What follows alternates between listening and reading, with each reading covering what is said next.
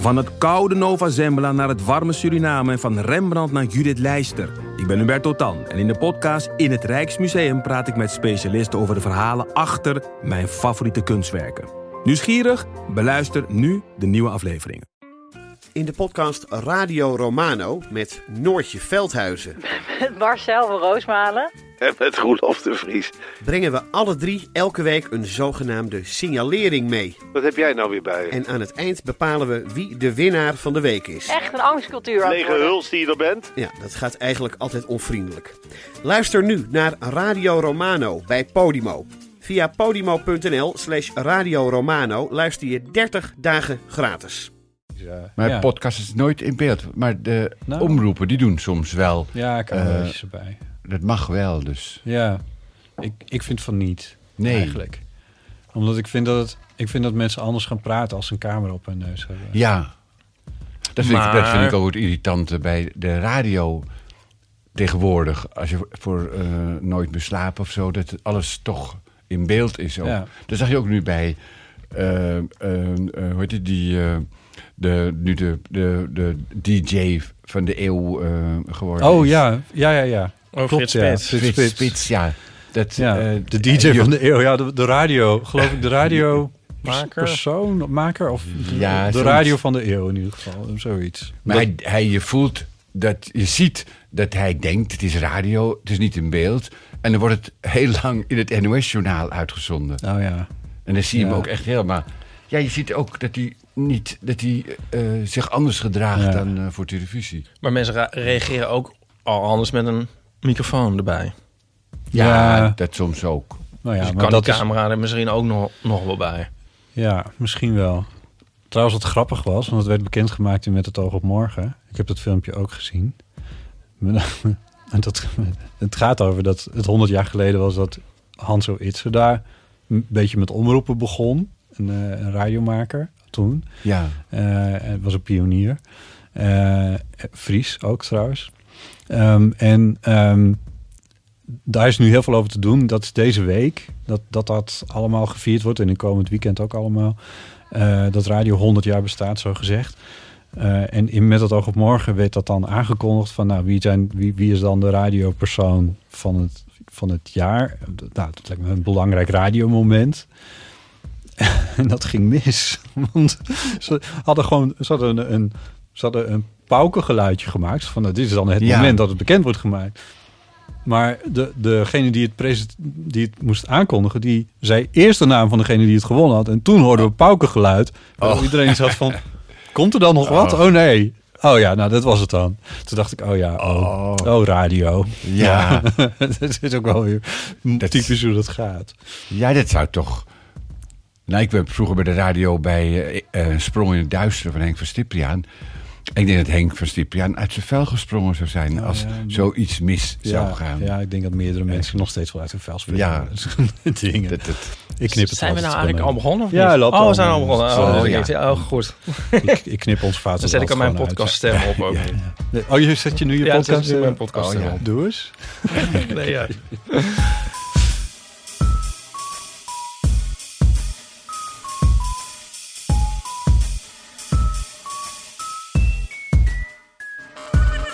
Welkom bij de Eeuw van de Amateur. Dit is aflevering 114. Jouw lievelingsgetal, weet Mijn ik. lievelingsgetal. Sinds vorige week. Ja. Ehm, met deze keer Paul Hane.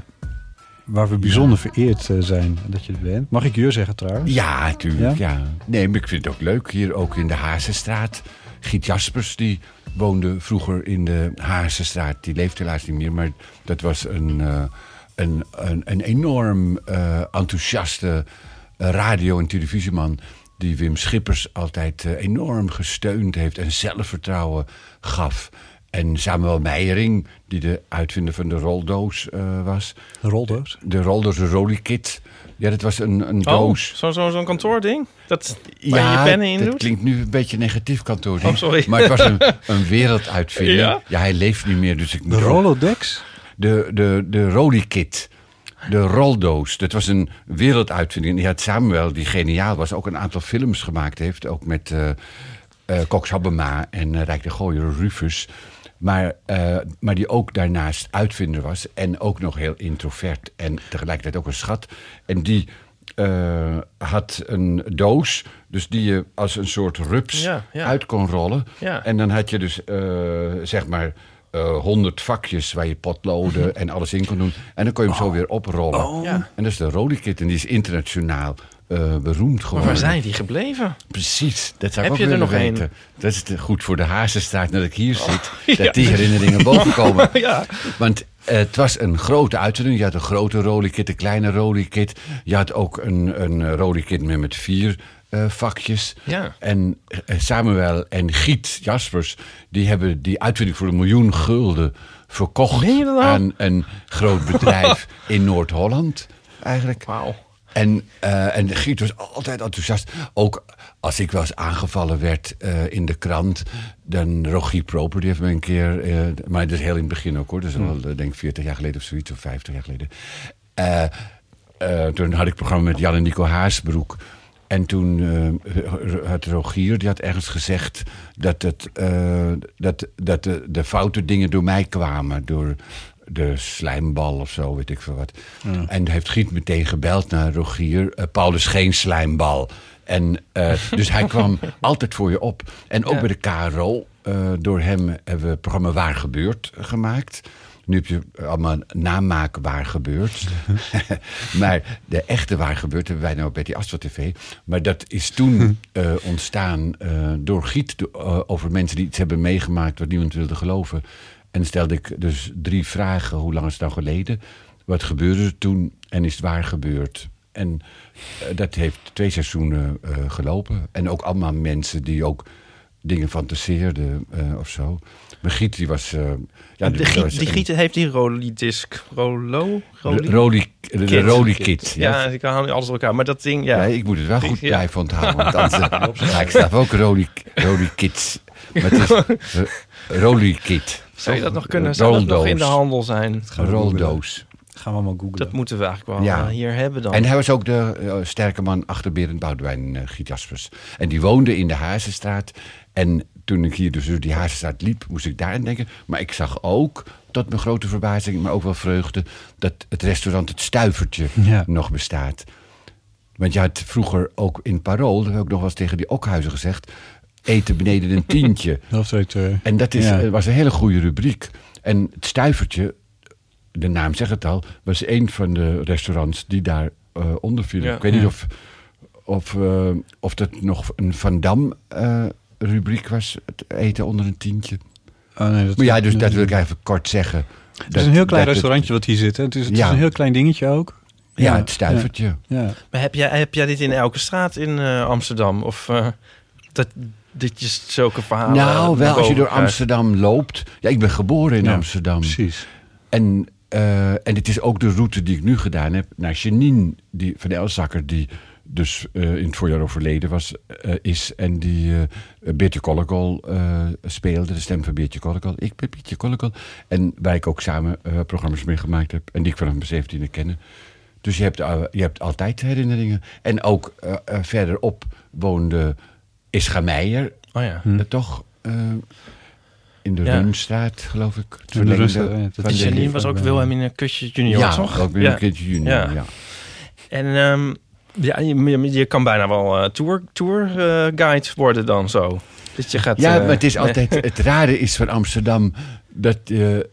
eh, dat je er niet verdrietig van wordt. Het is altijd een soort melancholische stemming krijg je. Van als je weet wie waar gewoond heeft en wat voor herinneringen je hebt. Ik Ja. denk ook, je kunt ook zo naar de Pieter gaan.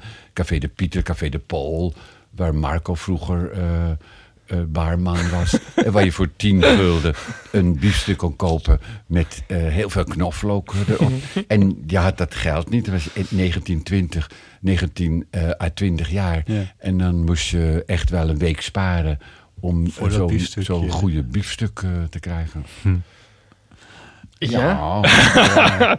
Maar je, bij- oh, jij bent ook misschien niet eh, heel melancholiek of droevig aangelegd.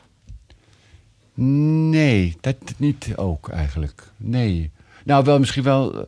Tenminste, prettig wel melancholiek. melancholiek, maar niet eh, slachtoffer. Ik, ik, ik, voel me nooit een slachtoffer. Ik probeer altijd wel zoveel mogelijk alles te verwerken. En wel, eh, nou daar wel, je, nou je denkt zoals nu ook, dat je wel van de gelegenheid gebruik maakt eigenlijk op dit moment. En dat is ook het leuke natuurlijk van, eh, van die podcast en van jullie. Dat je ook eh, van de dat je die ruimte krijgt om van de gelegenheid gebruik te maken. Om de Ja. herinnering vrij baan te geven. Wat je bij een programma Ja. op Radio 1 Nee, niet dan, kan. eh, Want dan krijg je meteen van, ja, er moet een muziek gedraaid worden. Of dan, Ja. We gaan wel even nu live even schakelen naar Ajax PSV. Want er is in, in het sta- ja, dat krijg je dan. Ja, en dan zit je ook midden in een verhaal, wordt er live geschakeld. Ja, ja, dat Als je, nog, ja. als je wel een punt gezet hebt achter een zin, maar het verhaal nog niet af. En dan merk je ook meteen dat iemand niet luistert. En dan moet je daarna weer door. Maar dan, is- dan is het weer fijn dat een programma kort is. Ja, dat kan ook nog. Ja, Wat we wel kunnen doen is even... Want hier heb ik meteen weer duizend vragen over. Maar eh, dat we heel even schakelen naar Japan. Oh ja. Want we hebben een bericht uit Japan. Want, eh, de- en dan hebben we het gewoon over Pauline, dat snapt iedereen. Eh, Ja. en, maar jij kent Pauline ook goed, toch? ja nou ja, goed, ja, wel, wel enthousi- eh, enthousiaste, enthousiast, zeg maar. Ja, ja want ik ben t- wat was het, twee weken geleden nog bij jullie open bak geweest. in het Betty Asphalt complex. Oh ja. Toen Pauline daar ook presenteerde. Oh ja. ja, ik was er niet. Ik moest denk ik optreden ook. Ja, ja, In het ja, land. Ja, dat gebeurt dan natuurlijk ook nog. Anyway, zij, is, zij is genomineerd met haar boek eh, Taal voor de Leuk eh, voor de NS Publieksprijs. En ze heeft eigenlijk gewoon een oproepje aan de luisteraars. Dus daar kunnen we even naar, Oh ja. naar luisteren. Hoi Botte en Ipe en iedereen. Een telefoontje uit Japan van Paulien. Ehm, ik belde eventjes omdat ik iedereen eigenlijk wil vragen of ze willen stemmen op Taal voor de Leuk bij de NS Publieksprijs. Dat zou ik heel graag willen, dat iedereen dat doet. Dus heel graag. En dan als tegenprestatie heb ik een nieuwe podcast gemaakt en die heet Taal voor de Leuk. En daarin lees ik bijna het hele boek voor. Er zijn een paar stukjes die zijn echt niet voorleesbaar. Maar voor de rest alles wel. En de inspiratie was onder andere iemand die heeft gebeld eh, naar de Eeuw van de Amateur. Die vroeg of ik dat niet eens wilde doen. Iemand die zelf slechtziend is en daarom het boek niet kan lezen. Dus ehm, mochten nu diezelfde mensen luisteren naar de Eeuw van de Amateur. Eh, speciaal voor jullie. Taal voor de Leuk, het luisterboek. Ehm, zonder tekeningen natuurlijk, die kan ik niet voorlezen. Maar wel met extra commentaar op mezelf. Dus het is, eh, ja, nou, gaat maar gewoon luisteren. Oké, nou heel veel liefst hè, vanuit Japan. Doei. Dankjewel, Pauline. Ja, Zei ze dus, nou ook dat we moesten stemmen? Ja, Oh ja, misschien. Ja, nspublieksprijs.nl. En Nee, dat is ja. van harte aanbevolen voor ons. Dat gaan we gewoon schaamteloos promoten allemaal. Ik denk wel vaak, Ja. is dat niet duur, zo bellen vanuit Japan? Is dat niet duur? Nou, via, via de wifi gaat toch... Wifi gaat dat kost allemaal niks meer. Kost niks meer. Daarom duren de gesprekken vaak zo lang nu. Ja. Ja. Goed dat Ehm, mijn moeder dit nog niet weet. Maar ze luistert wel. Hier, nou, hier heel soms, als ze Oh. weer even weet hoe het eh, werkt. Maar dan vaak vergeet ze dat ook weer. Dat vindt ze moeilijk dan om eh, welke knopjes en zo. I- Ipe, Ja. Ipe deed soms zijn moeder wel na in eh, Ja, in dus dan word ik dan zenuwachtig van. Dan moet ze dan niet horen. Als ik, soms doe ik erna. Dat willen we natuurlijk niet hebben dat ze dat hoort. Nee. Maar dat zou ze ook niet eh, kunnen verwerken. Nee, misschien snapt eh, ze dat helemaal niet. Bedoel je dat? Ja, Ja, dat zou kunnen. Nou, heb ik iets fout gedaan? Dat ze dat denkt misschien. Oh, zo. Ja. Of dat niet. Nee, ik weet Of niet. praat ik echt zo raar? Ja, Dat, ze dat zou- denkt. Ja. maar, nou ja, moeders kunnen heel veel aanvaarden hoor. Moeders kunnen veel aanvaarden. Nou, wel, mijn moeder ook. Ik had een keer Margaret Dolman eh, gedaan. Uh, toen is een hele serie natuurlijk voor Radio Amsterdam. En dan had ik ook gesprekken met moeder Dolman. En die waren een beetje autobiografisch. Dus als de moeder, eh, als het kind, eh, als Margaret Dolman eenzaam was... en ze had met de moeder gesprek, dan zei die moeder... dat is, nou, dat is eh, niks, dat is jeugdeenzaamheid. Ik ben echt eenzaam. En toen had ik als Dolman een keer eh, met de- tegen de moeder gezegd... mam, ik vond het helemaal niet leuk dat je papa vier hoog het raam uitgegooid hebt. Die en die dag. En toen belde moeder na afloop, dat heb ik helemaal nooit gedaan. En zo. Dus die, dus die verplaatste, die, ja, die identificeerde zich wel met die moeder. Maar was Ja, ze boos? Nee, ze was meer verontwaardigd Oh ja. dat ik geen leugens moest vertellen. Ja. Toen heb ik Ja. die moeder er weer uitgeschreven. Oh ja. Want dan is het niet meer leuk schrijven. Nee, precies. Ja, toen, maar- toen heb ik de moeder Raldi gedaan Ja. en Emmy. Oh ja. Ja. Nee, mijn, mijn ouders zitten ook in mijn eh, fotostrips. En dan vinden ze eigenlijk alles goed. Dan vinden ze, en dan, maak, dan zijn er ook vaak wel grapjes waar ze, zoals zij zelf zeggen, gekleurd op staan. En dan zeggen ze, nou, we staan er weer gekleurd. Oh, natuurlijk weer naar. nou, we staan er weer gekleurd op. Maar dat vinden ze dan niet erg. Dat vinden ze dan grappig. Het is ook altijd wel... Ja, maar je doet Met- het ook niet negatief nee, over. dat is ook Als wel dan- gedaan. Dit Ja. is juist ook... Kan je-. Ik heb meteen een beeld. En, ze, en dat zijn ook de echte foto's Ja, van hun. ja, dus dus ze zijn ze ook- spelen ook ja. mee. Ja. Dus Ja. daar zijn ze ook trots op. Dus ik Ja. denk dat je moeder ook trots is als jij haar nadoet. Ja, Ja. dat denk ik eigenlijk ook. Ja. Waarschijnlijk wel. Ja. Ehm, Paul, je bent eh, druk, liet je ons weten. Ja. Ehm, want je bent aan het try-outen voor een nieuwe landelijke tournee eh, met Gremnaat en Dolman. ja. Eh, plus dat de ja, als mezelf eigenlijk. Als eh, jezelf? Ja. ja, want het stukje Hanen brengt vreugde. Ja, Ja. een klein stukje gremdaad en... en, en Oh ja, en- nou, ik, ik zag ze op een postertje staan. Dus vandaar Ja. dat ik dacht dat, ze, dat, ze er, dat, dat zij het dan ook waren. Maar dat, dat, je bent het zelf. Ik ben het zelf. Je bent Ja. gewoon zelf deze Ja. keer. Eh, plus dat in december, wat vanaf nu nog een maand is, wat ik heel schrikbarend vind, maar dat is wel zo. Eh, in december heb je de hele maand december, zes dagen in de week, inclusief tweede kerstdag en oudjaarsdag, eh, Ja. de, de december eh, voorstelling van Ja. Margreet Dolman en Dominic Remdaad. Ja, maar Doorn brengt warmte in de donkerste dagen van het jaar... en en met wijst de weg naar een evenwichtig 2020. Ja, maar dat is is, de titel. dat is natuurlijk... Oh, mooi. Ja, Ja, ja lekker kort. En- nou, en dat doen we nu, ik geloof, voor het 26e jaar. En dat, is, eh, nu is geloof ik de helft al uitverkocht. Het gaat heel snel. ja. En het is ook voor, ja, het is ontzettend leuk om te doen, omdat de mensen inderdaad ook terugkomen, hele gezinnen. Soms nemen de kinderen de ouders mee, of de grootouders, of dan weer de ouders de kinderen. En ook altijd een leuke nazit eh, in ons eh, theater.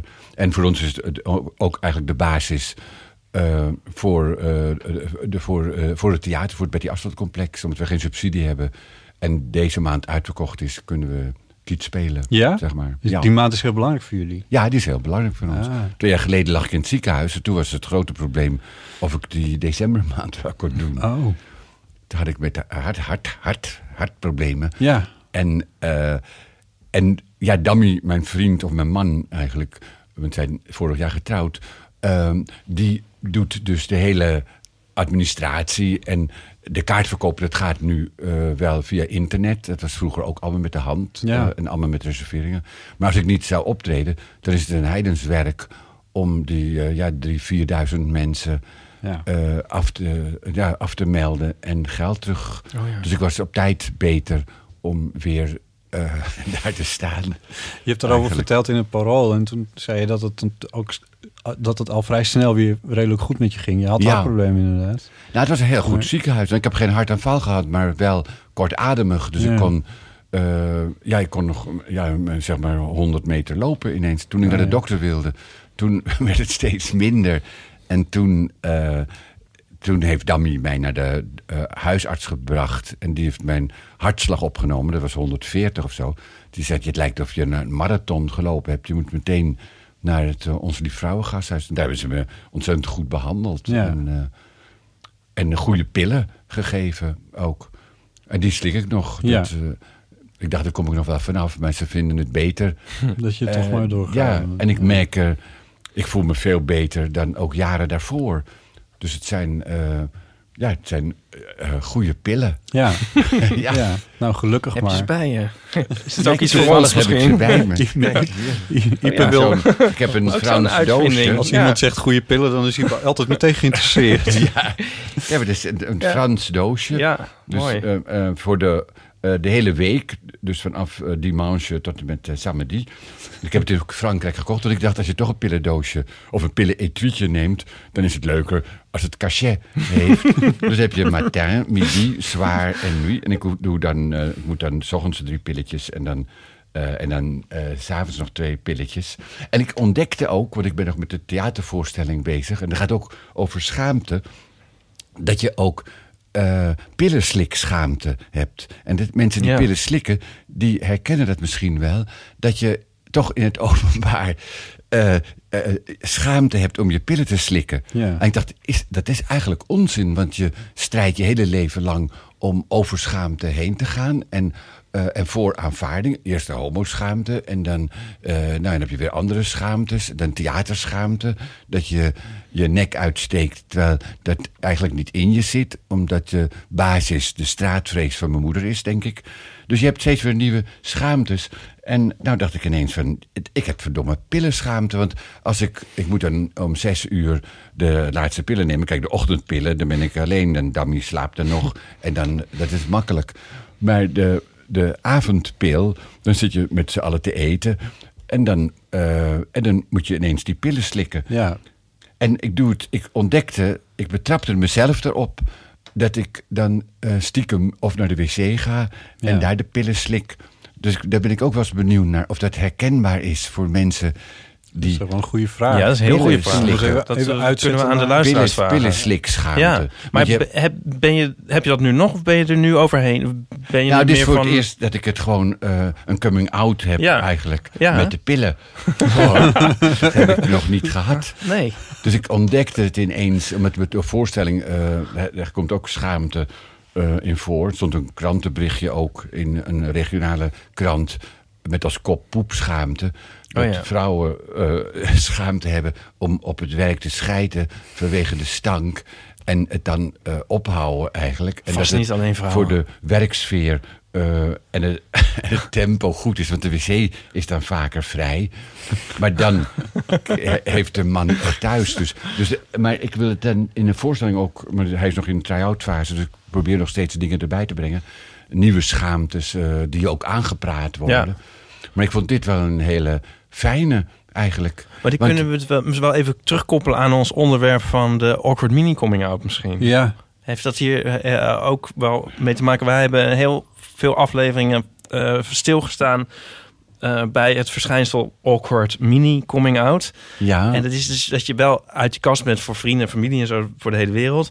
Maar dat je dan dat dan de kapper bijvoorbeeld vraagt van eh, heb je een vriendin of zo, ik zeg maar wat, of van nee, je zegt niet dat- maar wat. Dit is jou Oh, letterlijk zo, zoiets. Of dat zal je, je vrouw zal weer blij zijn.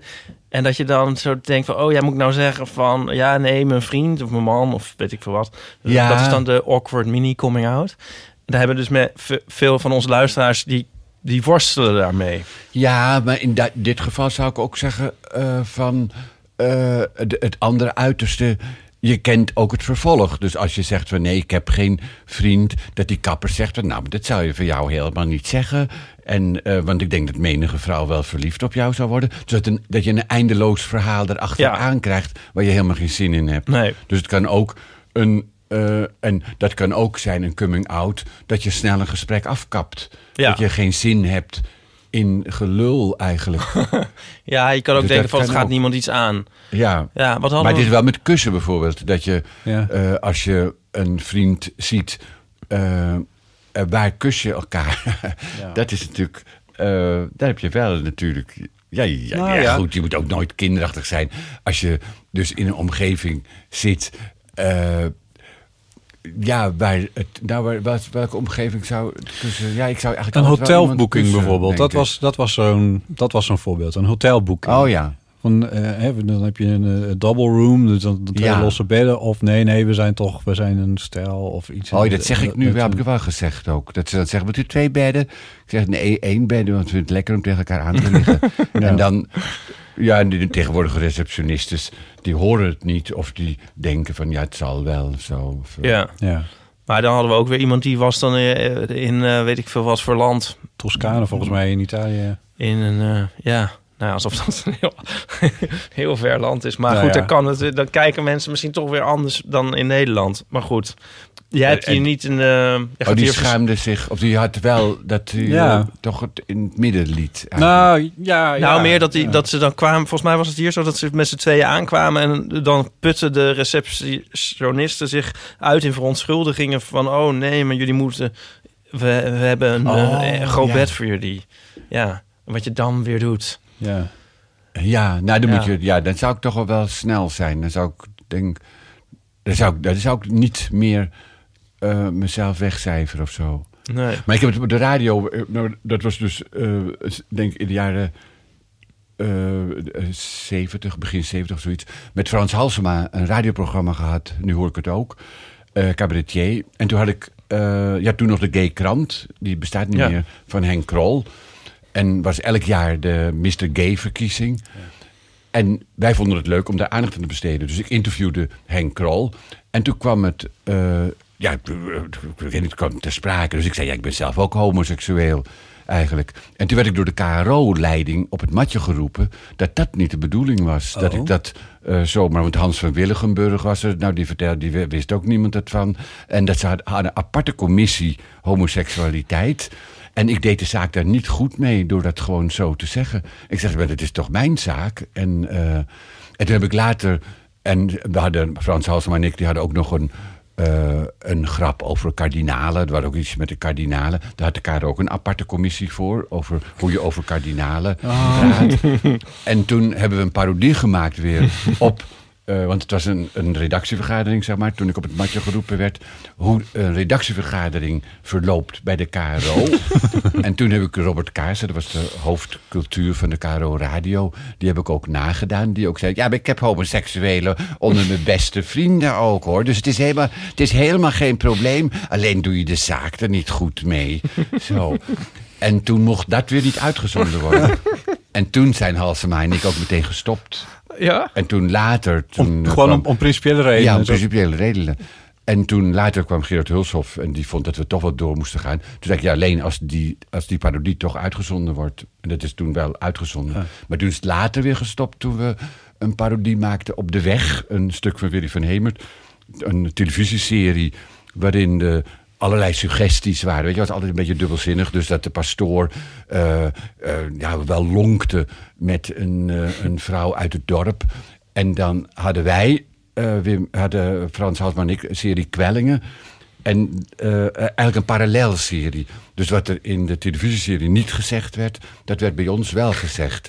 Dus bij ons was die vrouw in blijde verwachting van de pastoor.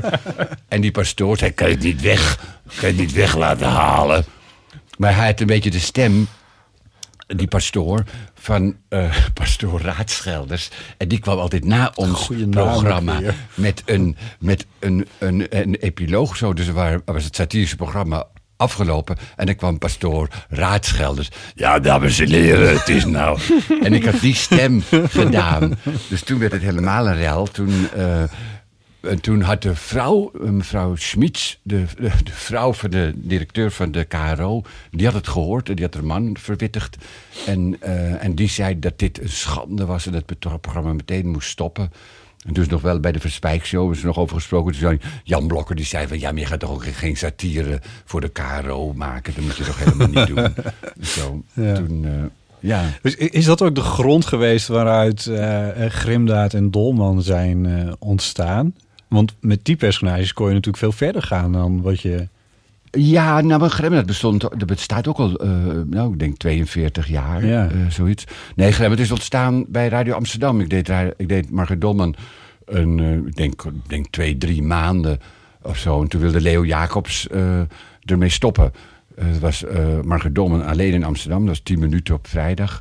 En eh, Jan Carmichelt was eh, hoofd eh, cultuur, een ontzettende schat, ja, die helaas ook niet meer leeft. En, die, en daar hoorde ik het van dat Leo wilde stoppen.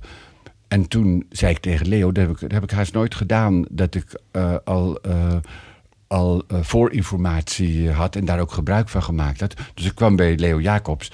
En voordat hij iets zei, zei ik, ik, heb, ik vind het echt zo ontzettend leuk om Margaret Dolman te doen, die tien minuten. Maar ik vind eigenlijk tien minuten te weinig. Kan ik niet meer krijgen? Terwijl hij het wilde stoppen eigenlijk. En toen zei hij, eh, oh ja, eh, zou je op de zondagmiddag kunnen van vijf tot zes, een uur? Want eh, dat hebben we vrij, dus met muziek. Ik zeg, nou ja, het lijkt me wel leuk. Dus in plaats van dat het toen gestopt was, kreeg ik een uur. Ja. En toen dacht ik, dan is het wel leuk om daar ook een dominee eh, Ja. te doen in Ja. dat uur. En mochten mensen ook bellen met Leo Kool. eh, met Henk Kool heb ik dat eh, gedaan toen. Die later wethouder in Den Haag Ja. geworden is. Nou, maar ik bedoel meer ook van, van de, je raakt er steeds in de, als ik het zo hoor, of tenminste steeds, maar in ieder geval, je raakt er hier en daar in de problemen bij de KRO. Ja. Toen je als Paul Hane zelf satire ging maken. Ja, maar altijd, maar dat hoort erbij. Het- ik verbaas mij dat ehm, radiomakers nu zo weinig in de problemen. Dat ze alles maar slikken. Altijd alles, alles wordt maar aanvaard. Ja. Ik, dat vind ik zo raar. Want je hebt toch een mening en je hebt toch principes. Ja. Toen ik bij Mignon zat, eh, toen hadden we... eh, dat was de jeugdomroep van de AVRO. Wat, Ja. wat een enorm goede uitvinding was. Want Mhm. dat was verspreid over het hele land. En ja, de afdeling Maastricht, afdeling Middelburg, afdeling Groningen. En de ene eh, jongen of meisje had zin in techniek en de ander om te schrijven. En eigenlijk wat je nu hier ook met podcast Ja. hebt. En met een klein groepje maakte je een, eh, een, een item. Dat stuurde je naar Hilversum. En één keer per week was er op de Jonge Golf een radio-uitzending van een uur. En daar werden dat, die, die dingen uitgezonden. Ja. En ik had de rubriek de schoolkrantenkiosk. We bestra- bestraken de schoolkranten. En toen eh, stond er oh, in een van die schoolkranten... meneer die en die geeft les met zijn gulp open. En Herman Broekhuizen, het hoofd van de radio... die zei, dat mag niet uitgezonden worden. Toen, dat vonden ze... En dat was wel in de tijd ook van eh, Remco Kampert. was na de oorlog eh, gedicht dat iedereen naaide. En dat, was, dat mocht toen in het programma Literaire Ontmoetingen... was het geloof ik, Literaire Ontmoetingen van Kampert... Van, nee, van eh, Gomperts, Han Gomperts. Mocht toen ook niet uitgezonden worden. Dus wij waren als mignonners, dus 18 jaar, ook strijdbaar. Ja. Dus we zeiden ook van, nou, dan gaat het niet door. Die schoolkrantenkast wordt er niet uitgezonden. Ja. Dat En- ook principieel weer. ja, ook principieel. Ja. En er werd er later over vergaderd. En toen mocht het waarschijnlijk toch. En, eh, Maar je, Maar je, je vindt dat bent- dat nu te weinig gebeurt. Mensen moeten gewoon meer... Ja, eh, want nu is het, is het natuurlijk heel vaak dat mensen vinden dat ze dingen niet meer mogen zeggen... omdat ze eh, van, vanwege politieke correctheid... Mensen zijn Ja. ook bang, denk ik, vaak om dingen te zeggen. ja, dat denk ik ook. En er is helemaal geen satirisch programma. Ja, je hebt Lubach, maar dat is dan eh, zes weken of zo. Maar een satirisch programma hoort gewoon het hele jaar... van september tot en met mei te zijn. Ja, ja, zoals de Amerikanen zoals- dat doen. Zoals, eh, ja, dat is belachelijk dat dat er niet is. En dat kan heel zuiver ontwerken. En ook de, de, de vertrutting, die kan je dan eh, ook een beetje tegengaan eigenlijk. Dat die, die, de, de angst of zo. Ja. Want er wordt er wel eens eens in de zoveel tijd bij de Wereld Draait Door ook over gesproken. Wat nou mag en wat niet mag. En dan is, gaat het ineens over Belgen moppen, dat die niet meer mogen. Ja, dat is helemaal geen probleem. Ja. Dat mag altijd. En alles mag, eh, vind ik. En je hebt natuurlijk wel, maar dat had je toen ook, eh Rudy Karel. Die, die heeft ook een bepaalde grap eh, niet gedaan. Omdat hij de Ayatollah, geloof ik, eh, belachelijk maakte. En toen kwamen er van Iran uit eh, dreigingen. Ja, dat is gelijk dat- gevaarlijk Dat, is altijd, die, Ja. met, de, in, met de moslimgemeenschap is het altijd zo geweest Ja. eigenlijk. Dat je wat voorzichtig moet zijn Ja. als je, je blijft leven. Ja, eh, ja, en tenminste, ja, dat, ik, zonder het dan weer op Paulien te schrijven, maar in ieder geval, die, wij hebben het hier met Paulien ook wel veel over gehad, over van humor en hoe dat dan werkt en zo. En wat wel goede, of in ieder geval wat grappen kunnen zijn die beter zijn. Of in ieder geval, maar zij zegt, je hebt eh, punching up en punching down. Eh, en het, het idee van ehm, satire en cabaret en alles is dat je de boven jou gestelde, dat je die is even een optater verkoopt. Ja. Die kunnen dat wel hebben. Terwijl als je naar beneden gaat. Nee, Ik bedoel, zo-. Ja, bijvoorbeeld eh Joep van het Hek die dan over pisnichten begint, eh, bijvoorbeeld. Ja, Dat, daar ben ik dan zelf, heb ik daar een probleem mee. ja. Dat vind ik niet zo leuk. Nee, maar omdat het ook niet echt is. Het woord pisnicht bestond helemaal niet. Hij vertelde later dat dat... Ja, eh, oud-Amsterdamse woord was Maar dat is helemaal dat is volslagen Dat is een beetje onzin, onzin. Nee, maar goed, maar als je het dan hebt over Belgen moppen. Ik bedoel, is dat, is dat, is, past dat nog in pu- punching up of punching down? Ja, niet Het echt. is meer Ja, punching, opzij, opzij is dat, hè? ik, weet, ik vertel nu ook eh, een, een dom blondje grap in de voorstelling. Dat, Ja. dat hoort eigenlijk ook niet. Maar dan zeg ik wel dat, het, eh, dat een, eh, een vrouwelijke rechter me die grap vertelde. Waardoor het een ander eh, Ja.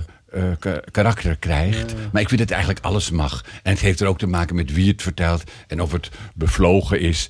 En je moet inderdaad eh, niet... Zoals Job Godschalk, eh, dus eh, eh, eh, nou, op één dag van alle kanten eh, aangevallen werd. Ja, hij was, hij was het doelwit van Joep van het Hek in dit geval even. Ja. Ja, van- ja, maar ook, van, maar ook, van, eh, ook bij Matthijs van Sorry, Nieuw- ik zeg, zeg ik dat nog goed?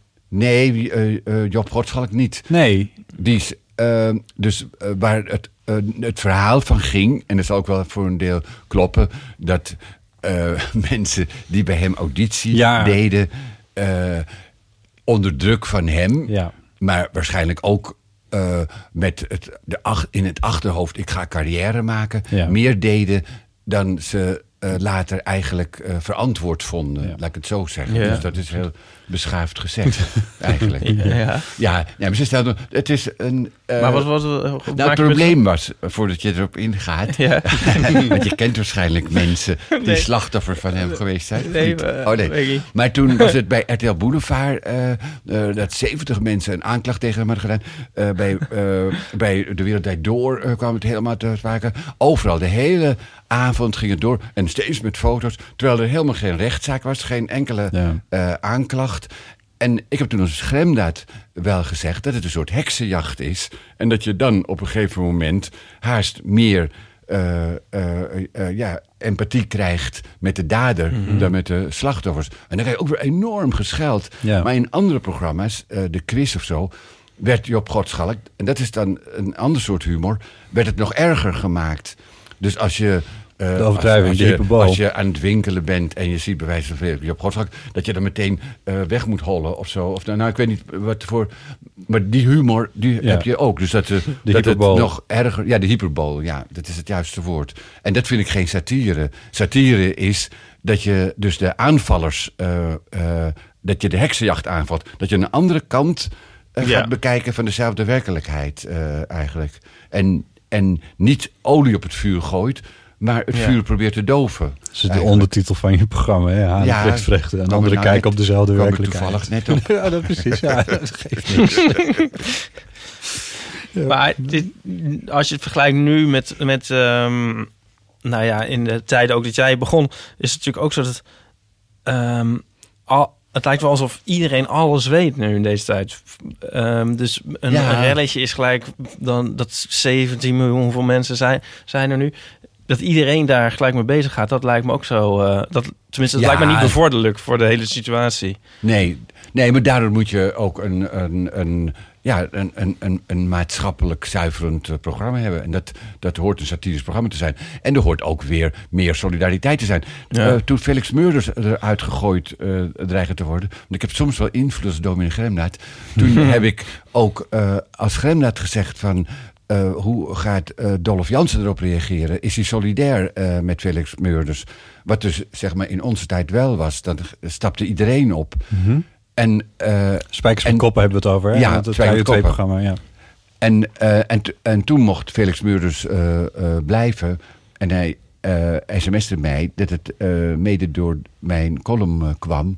Eigenlijk dat je mensen wakker schudt. Ja. Maar dan vraag ik me nu ook al voor, voor het parool. Als je jou, jouw foto...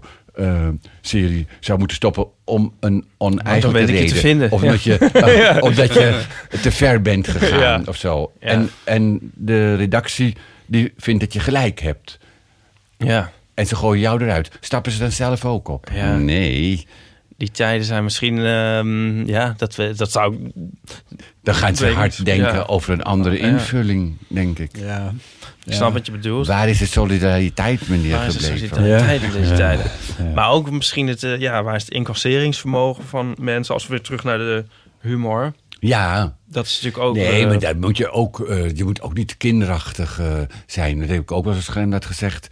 eh, dat je, eh, dat is het fijne van zo'n column. Eh, ja, ik heb als mezelf geen column, dus ik moet steeds scherm aanhalen. Bij Geen Stijlen is die ook heel veel eh, eh, bekeken. Eh, eh, dat, je, dat de, de, de beledigde mens, de snel beledigde, dat, een groter, dat het een groter probleem is dan de mensen die beledigen. Dat je ook niet snel. Het geldt ook voor de homo-beweging met Johan Derksen. Dus die kan flauwe grappen maken. Ja. Maar je kunt beter dan hem weer aanvallen en ook flauwe grappen over hem maken, dan zielig doen. Dat vond ik ook eigenlijk met die eh, transseksueel bij de Wereld Draait Door, die eh, Belgische journalist, met een ontzettend aardige man is en hij heeft volkomen eh, gelijk om dat te doen. En het is ook heel dapper en en ook een voorbeeld voor menigeen thuis. Maar aan de andere kant, natuurlijk mag je dat belachelijk maken. Het zou idioot zijn als je dat. En je mag het ook op een slechte manier belachelijk maken. Want wie, be- wie, wie bepaalt dat alleen eh, iemand die, eh, die kwaliteit heeft een ander mag belachelijk mag maken. En iemand zonder kwaliteit of die geen gevoel voor humor hebben of geen eh, satirische achtergrond, dat die dat niet mogen. Dus Gijp mag dat doen. Ja? Eigenlijk, ja, vind ik wel. Ja, vind ik helemaal niet erg. Oké, ja. Ja, ik had daar moeite mee. Ja, ik, Oh, ik, ja. wat ik zelf vaak Ja, ik denk niet. is van als je er niet te lang bij stilstaat, is het ook weer weg. Dat, Je weet toch... Ja, maar je- dat is ja. een beetje, dat is een Nou beetje ja. struisvogel. Zo nou van, ja, eh, nee, ja, ja. Maar ik bedoel, nou, wat me soms stoort is hoe lang, hoe oneindig lang dingen door blijven Ja, zeuren net als en deze podcast. ja, Omdat, dus je kunt ook denken van, nou ja, ik, lach erom en... ehm, Ja, Ja, of je kijkt, op. je ziet het programma en dan denk je, dan denk je, je constateert het gewoon van, oh ja, dus zo denken mensen nog steeds. Dat Ja. heb ik wel eens met dat, eh, Ja. met dat, eh, met dat programma. En dan eh, kijk je verder weer helemaal niet. Ik kijk er verder nooit naar. Maar als je het dan wel eens ziet, wat je ook wel eens in een café hebt, als je allemaal rechtse intolerante mensen hebt, dat je denkt, en wat je ook nu in de provincie hebt, weer, eh, niet in onze zaal, maar als je door al die dorpen gaat, dat je ook denkt, wat, wat wordt er eigenlijk weinig op televisie aandacht besteed aan heel Nederland? Mensen, het is eigenlijk alleen maar Amsterdam. en Friesland, wel heel veel Friesland. Dat vind ik zelf soms wel eens Ja. iets te veel. Ja, maar je hebt nooit de talkshow uit Leeuwarden. Dat zou toch ook... Waarom, Ja. waarom is dat eigenlijk niet? ja. Waarom, eh, ja. dat heb Ja. je je ook afgevraagd als Grimdaad, herinner ik me. Oh ja.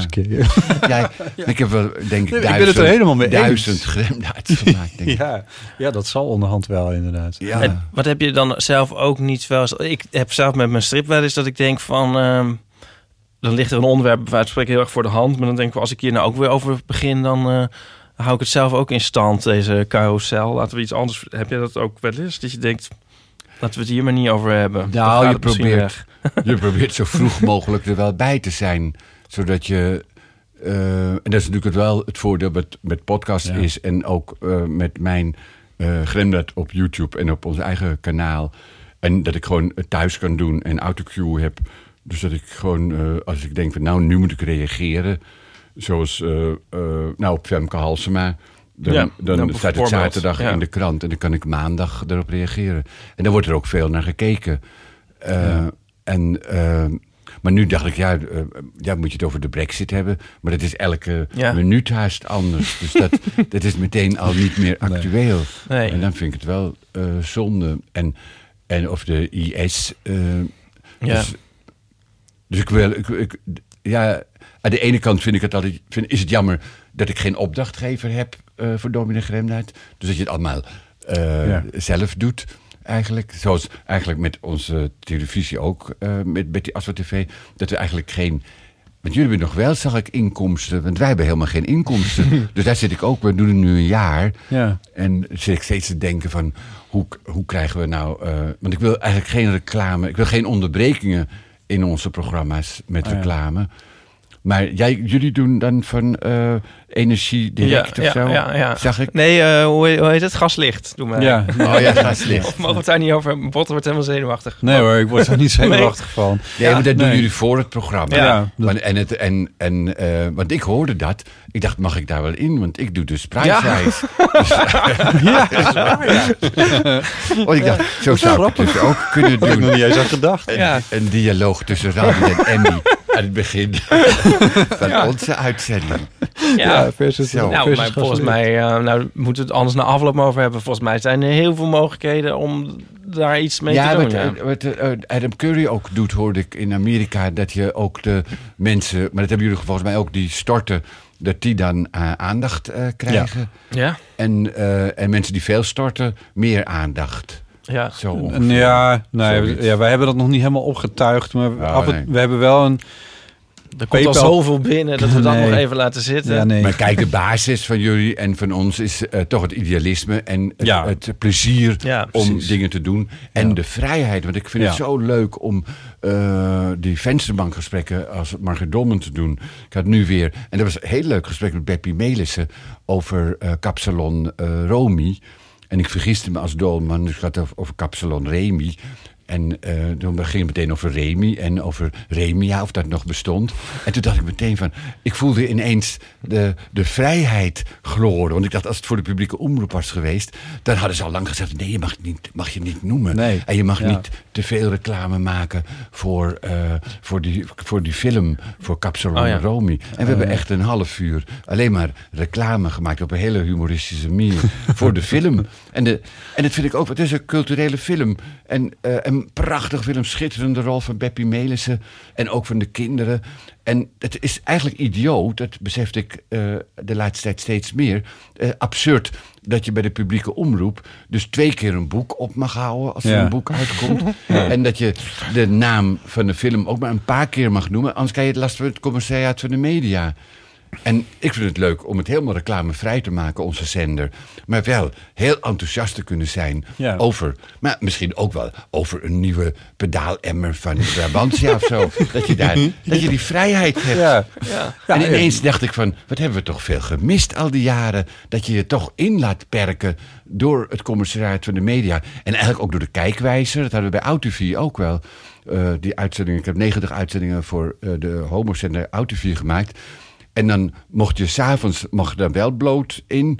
Maar Oh, dat mocht ja. dan weer niet herhaald worden. ja. vanwege de kijk, eh, kijkwijzer. Ja. Dus, eh, Ja. En nu maar, ben je maar jullie mogen wel reclame. Ja, Jullie wij mogen ook bloot. ja, maar je mag ook gewoon alles zeggen. Want dit, Ja, dit hoor. valt toch niet onder de VPRO of zo? Nee. Onder de radio Nee. of een commissariaat van de media? Nee, nee, ja, we maar dat is dan toch een fantastische vrijheid. Ja. Het is heerlijk. En dan kan je beter hebben dat mensen geld storten, bij wijze van spreken. En dat ze op die manier de vrijheid bevechten eigenlijk en in stand houden. Dan dat je Ja. een, een omroepbijdrage betaalt en minder vrijheid hebt. Ja. En ook beperkt. Want met, eh, nou, met, inderdaad met, eh met Beppie Melissen eh, heb ik een half uur gesprek eh, gehad. Ja. En nu ook met een jongen, eh, eh, eh, Jeroen eh Metsenmakers... die bij het eh, eh, Leids Universiteit eh, Medisch Centrum zit. En die, die eh, eh, hoe heet ook de, de Pride, de PP Pride, eh, P, de Work Pride Oh ja, Eh, de Foundation was dat toch? Ja, de Foundation ondertekend Ja, heeft. Ja, Dus dat je een werksituatie hebt, zoals het nu heet, die inclusief is. Ja. Dus ja. homo's, hetero's, alles mag eh, zichzelf zijn eigenlijk. eindelijk. En, maar dat was ook, eh, heb ik, dat heb ik wel ingekort. Het was een half uur gesprek. Maar dat had ik ook een half uur kunnen eh, Ja. laten lopen eigenlijk. Jullie hadden toch een soort eh, betaalmodel bij, eh, bij Betty Asselt TV? Nee, je kon, je kon de- toch doneren de- of, of abonneren? Nee, of, nog eh, niet. Oh, dat meen ik. Ja, je kan wel abonnee worden, maar het is, Ja. nog, eh, het is nu nog gratis. We hebben nou bijna duizend abonnees.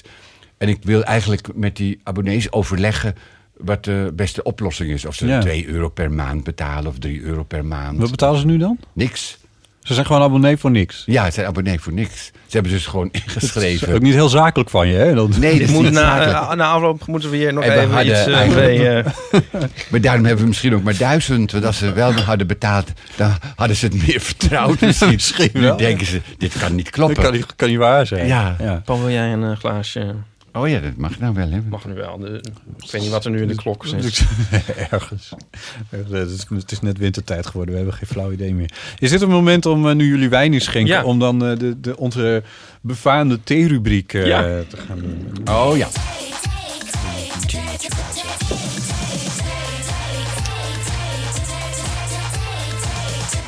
Kijk, eh, ben je bekend met het fenomeen, eh, Paul? Eh Pickwick die doet bij zijn... eh, kijk, zo'n naam mag je dan ook gewoon noemen. Ja. Daar krijgen we niks voor. Dat is dan Nee. eigenlijk ook weer onhandig van ons. Maar anyway. Nee, maar het is wel goed als de luisteraars dat weten. Ook ja, dat wel goed je- zit. Ja. Als je de naam noemt, dat het gewoon spontaan is. Het het echt is. Ja. Eh, die stoppen bij hun theezakjes een vraag. Oh ja. En ik wil je nu vragen of je eentje uit wil kiezen, zodat het echt ik willekeurig ken is. deze theezakjes niet, want ik koop mijn theezakjes bij de markt. Oh. Wat tegenwoordig niet meer markt is, geloof ik, maar... eh, Oh, bij de mar- die, die markt. Bio. Toch gewoon, het heet nu Oh, anders. ja, Ja, ja. merk met een Q. Maar sommige Ja. heten Oh, nog er wel... staat hier oh, een... eh, oh. eh, Nee, dat zijn de ingrediënten. Moeten we uithalen. oh ja. Ingrediënten. Oh, hier staat dan Ja. wat op. Eh, ja, ik heb dubbel focus lenzen. Moet ik even kijken of ik dat... Ik Dubbel kan het ook focus die voorlezen hoor, als lenzen- dat eh, Ik helpt. zat eerst zelf... Jij hebt Ja. ook niet veel licht. Eh, hoeveel tijd breng jij door met jouw familie? Oh, Oh. Oké. Eh, niet zo gek veel. Hoe zit het bij jou? Eh, nou ja, wat eh, is, mijn man is ook familie natuurlijk. Dat is ook familie, ja. Nou, wij zijn dag en nacht haast bij elkaar. Want we werken Die samen, we leven ja. samen. ja. En mijn broer Tom heb ik goed contact mee ook. Maar die is een half jaar op de Canarische eilanden en een half jaar in eh, Lunteren woont hij. Die is twee jaar ouder dan ik. En mijn broer Rob heb ik ook weer goed contact mee. Was de tijd niet, maar daar heb ik nou ook weer goed contact mee.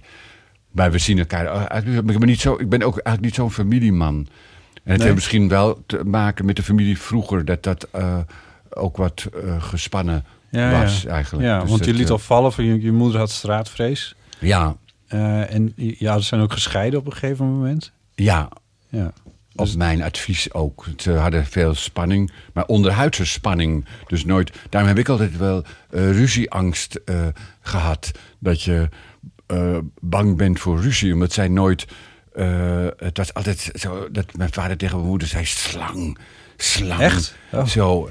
En het kwam nooit echt tot een uitbarsting. Het was, eh, en dat is veel erger eigenlijk. Ja, beter ja. ouders hebben misschien die tegen elkaar schreeuwen en met de deuren slaan. En, eh, en eh, Je, je personages kunnen van die uitbarstingen hebben, toch? ja, Met name Dolman. Die, ja, ja, ja, Ja. dat vinden wij ook heel leuk. Ja. maar dat, dat uit ik dan nu ook in de voorstelling ook. eh, dan komt Dolman van de, uit de huiskamer eigenlijk. En, dan is ook, en ik had ook een met Emmy en Bob ook. Dat, Ook dat, dat was ook heel leuk. Misschien omdat ik altijd ruzieangst heb gehad om ruzies te schrijven. Dat is dan Ja, heel leuk, dat het steeds verder gaat. En dat het ook, eh, eh, dat het ook heel klein eh, begint. Dus wat kijk je me daar aan? En dat iemand zegt van, nou, daar ben ik me helemaal niet van bewust. En nee, je bent je de laatste tijd van steeds minder bewust. Hè? Hoe zou dat komen? Nou, wa- wa- wa- wat doe je nou? Oh, ja, dat weet ik niet. Jij zal het wel weten. En dat het heel snel tot een enorme explosie komt. En dat had ik met Bob en Emmy dan, die ik dus, dus nu voor Prizewise doe, maar die in de oorspronkelijke versie dus veel, veel verder gaan. En dat dan de een tegen de ander zegt, als de ruzie echt heel hoog is, ik kan nou zoiets gemeens tegen jou zeggen dat je eigenlijk gewoon niet meer verder wil leven. Of we blazen het weg. En dan zegt de ander van, nou ja, laten we het dan maar wegblazen. Want je hebt altijd het moment in een ruzie dat je denkt, ik kan nu de finale klap geven Ja. of verstoppen. Ja. En dan gaan ze allebei doen ze blazen. Dus ik zal het niet in de microfoon doen. Het gaat kloppen maar zo. dus heel kinderachtig. Ja. En dat hebben we een hele serie voor de VPRO gedaan. En, eh, en later sprak ik mensen die dat ook in het echt Het ze eh, gaan deden, doen. Die het overgenomen hadden. Therapeutisch. Ja. leuk. Oh, wat goed. Dat je gewoon... eh, Eigenlijk heb jij je eigen familie gecreëerd. Met, ja, met, met, met, de hele... eh, met Emmy en Bob en... Ja. En, en, hoe heet Buster ook. Bu- ja, Busser, maar... eh, Raldi Kapoek. Raldi. Ja, Eh, ja, dus de hele kapoekjes. Ja. de familie Kapoek. En Buster Fontijn, ja, de Ja. zoon van Margot Fontijn. Ja, en, en eh Margreet had dus ook een moeder, Ja, oorspronkelijk. Dus Ja, je hebt allemaal families eh, zelf gecreëerd in, in dat opzicht.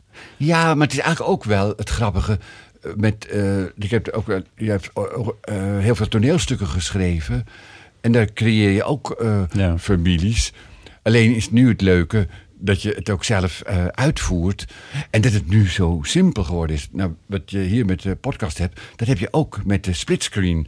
Eh, toen ik begon, was het eh, allemaal op film. Eh, Ja. eigenlijk. En dan nam je de een op en de ander op. En dat was ook heel duur.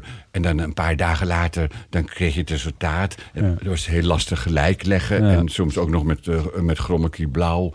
En nu gaat het in no time. Eh, neem je de ene kant op en de andere kant. En dat, ja, met autocue dan, dan heb je precies dezelfde tekst. En je laat pauzes vallen voor de, voor de ander eigenlijk. En dan, Heb je dan een tegenspeler als je dat doet? Nee, soms dummy. die Ja. Dan, d- eh, maar ook voor de kijkrichting Ja, ja, ja. eigenlijk dat je hebt. En, en soms niet. Of soms een, een scherm waar de tekst eh, op ja. Dus dat je gewoon zo Ja, dan kun je dan gewoon lekker tegen lezen. elkaar kan praten. Ja. Maar ik vind het ontzettend leuk dialogen schrijven. Ook over jaloezie. Daar heb ik ook een serie gedaan. En ook dat het... nou, en het leuke is natuurlijk... als, als iets... ja, als iemand eigenlijk iets niet wil zeggen... Dus eh, als de moeder, of de, dochter aan de moeder vraagt: eh, Heb jij eigenlijk wel ben je, heb jij een vrij seksueel leven gehad? Dat die moeder zegt: Nee, nee, dat heb ik helemaal nooit gehad. Ja, nou, één keer wel. Toen liep ik buiten en toen kwam er een, een rij matrozen achter me aan. En die mompelde: Goh, wat een leuke vrouw. En dan uiteindelijk eh, is het een soort gangbang eh, geworden. met twintig matrozen en zo, maar verder niet. En en, dan in, en dat, is, dat, is dan, dat duurt dan tien minuten. Ja. Maar eh, dat is heel leuk om, om te schrijven. Ja, en ook om te spelen. Ja. Want eh, je hoeft niks uit te leggen. Je, en ik weet precies ook, dat is het fijne ook van de splitscreen... waar, je, waar, waar de een eh, zijn mond moet houden... en waar de ander nog net een heel klein geluidje kan maken Ja, eigenlijk. Dat je gewoon een, of, zo Ja, iets heel. Mhm. kleins... wat acteurs nooit zullen doen. Want die denken, ja, maar dan wordt de ander kwaad. Want dan pak je Zijn moment scène af. Ja, ja, precies. En bij film mag het ook helemaal niet, want het moet gesneden kunnen worden. Dus je mag nooit onder de, onder de klaus van een ander praten, waardoor het heel onnatuurlijk wordt. Dus daarom is het eigenlijk onnatuurlijk dat ik allebei de stemmen, allebei de figuren doe, maar het resultaat is natuurlijker. Ja. Daarom denken mensen ook dat het ook verschillende mensen zijn. Maar dat heb ik Ja. ook in, in het theater gehad, in, eh, bij het Asfaltcomplex, eh in de wintervoorstelling, dat ik voor de pauze Gremmer doe en na de pauze Dolman. En dan zit je in de foyer en dat iemand vroeg, en wanneer komt Margaret Dolman? Wacht, wacht. Nu. Je hebt er een Stop, vraag stop over. hier, stop maar, hier. ehm, We hebben een... Ja, ja, oh, gaan we dat nu doen? ja natuurlijk. Om- Eh, we hebben een, een vraag gekregen van een vaste luisteraar van ons. Die heet Linda. Laten we even luisteren naar wat zij Ja. zegt. Hallo Botte, Ipe en natuurlijk gast Paul Hane. Wat ontzettend leuk dat je in de Eeuw van de Amateur zit. Ik heb nu al heel veel zin in deze aflevering te gaan luisteren. Ehm, ooit was ik een keertje eh, bij jou te gast, Paul, samen met mijn toenmalige verkering Lieven. En eh, ik was eigenlijk de gast bij Margreet Dolman. En toen had ik de neiging, toen ik klaar was bij Margreet en ik jou, dus Paul, later weer zag, om aan jou te vertellen wat er allemaal bij Margreet was gebeurd. omdat ik jullie echt als twee verschillende personen zie. Dus mijn vraag is eigenlijk, in hoeverre klopt dat? In hoeverre is Margreet ook echt een andere persoon? Eh, Oké, groetjes, ook van lieve. Ja, wat leuk. Ja, nou ja, het is je. Het is. ehm, nee, ik geloof daar natuurlijk helemaal in, maar ik heb dat zo lang gedaan natuurlijk. Het is Ja. toch eh, ja, de 44 of 43 jaar. Dus je bent daar. ehm, ik had, nou, het rare is dat ik eigenlijk helemaal niet van travestie eh, hield. En ik ben met Dolman begonnen bij de radio. eh, om een hoorspel te maken en een soort dagboek, dat het ook heel dicht bij jezelf ligt. En ik wilde eigenlijk dat Adele Bloemendaal die rol zou spelen, maar er was geen geld voor. En ik had al een, een stem gedaan bij Beertje Collegol. Dus dacht ik, nou, dan ga ik proberen het zelf te doen. En met een nieuwe techniek, dus dat je niet je stem wisselt, maar dat je de ene stem eerst opneemt en pauze Ja. laat vallen en dan de andere stem eroverheen. En toen ik het in, de, bij Sonja Barend heb ik het toen nog gedaan, ook aan het eind van de Goed Nieuws Show, Ja. dat ik belde ook eh, om over het programma te praten. En toen wilde ik een keer in beeld eigenlijk, ook omdat ik eh, het theater inging. Ik had een eh Bellevue gehuurd, de theaterzaal, eh, voor, een, voor Janine van Elzakker om een, eh, voor een toneelstuk. En het toneelstuk, dat ging niet door, want ze, ja, die rol dat, was te ingewikkeld. Of zo. Toen, heb ik, toen moest ik ook naar buiten treden als dolman. Maar ik, ik hou eigenlijk nooit zo van vermommingen. Daarom vind ik het denk ik nog steeds leuk om te doen. Omdat ik het niet leuk vind om te doen. Want als je het met heel veel plezier doet, travestie, dat je denkt, oh, ik mag weer. En dat je een, een, een uur lang bezig bent met de opmaak en met de dat. En dat je dan eh, dat allemaal doet. Dan gaat het vervelen, denk ik. En het Ja. publiek gaat het ook vervelen. En omdat ik eh, eh, ja, toch me eigenlijk journalist voel ook. En, en ook mezelf zie terwijl ik het doe. Doe ik het allemaal heel sober. En eerst was het alleen Dolman in smoking. En, eh en later Oh, was wel- eerst in smoking? Ja, ik had eerst gewoon smoking, een soort Marlene, Die, Marlene Dietrich. Oh. En nu heb ik wel een creatie van, eh, van Victor en Rolf. Toen het, toen het 30 jaar bestond. En zij kwamen elke jaar naar de voorstelling eh, toe, naar de decembervoorstelling. waren echt fans en nog, ze komen nog steeds. En eh, Margreet Dolman heeft Victor een rol aan. ja, met die, met die mooie bloemen. Ja. Met die, eh, eh, ja. Dat is een Victor en Rolf. Oh, wauw.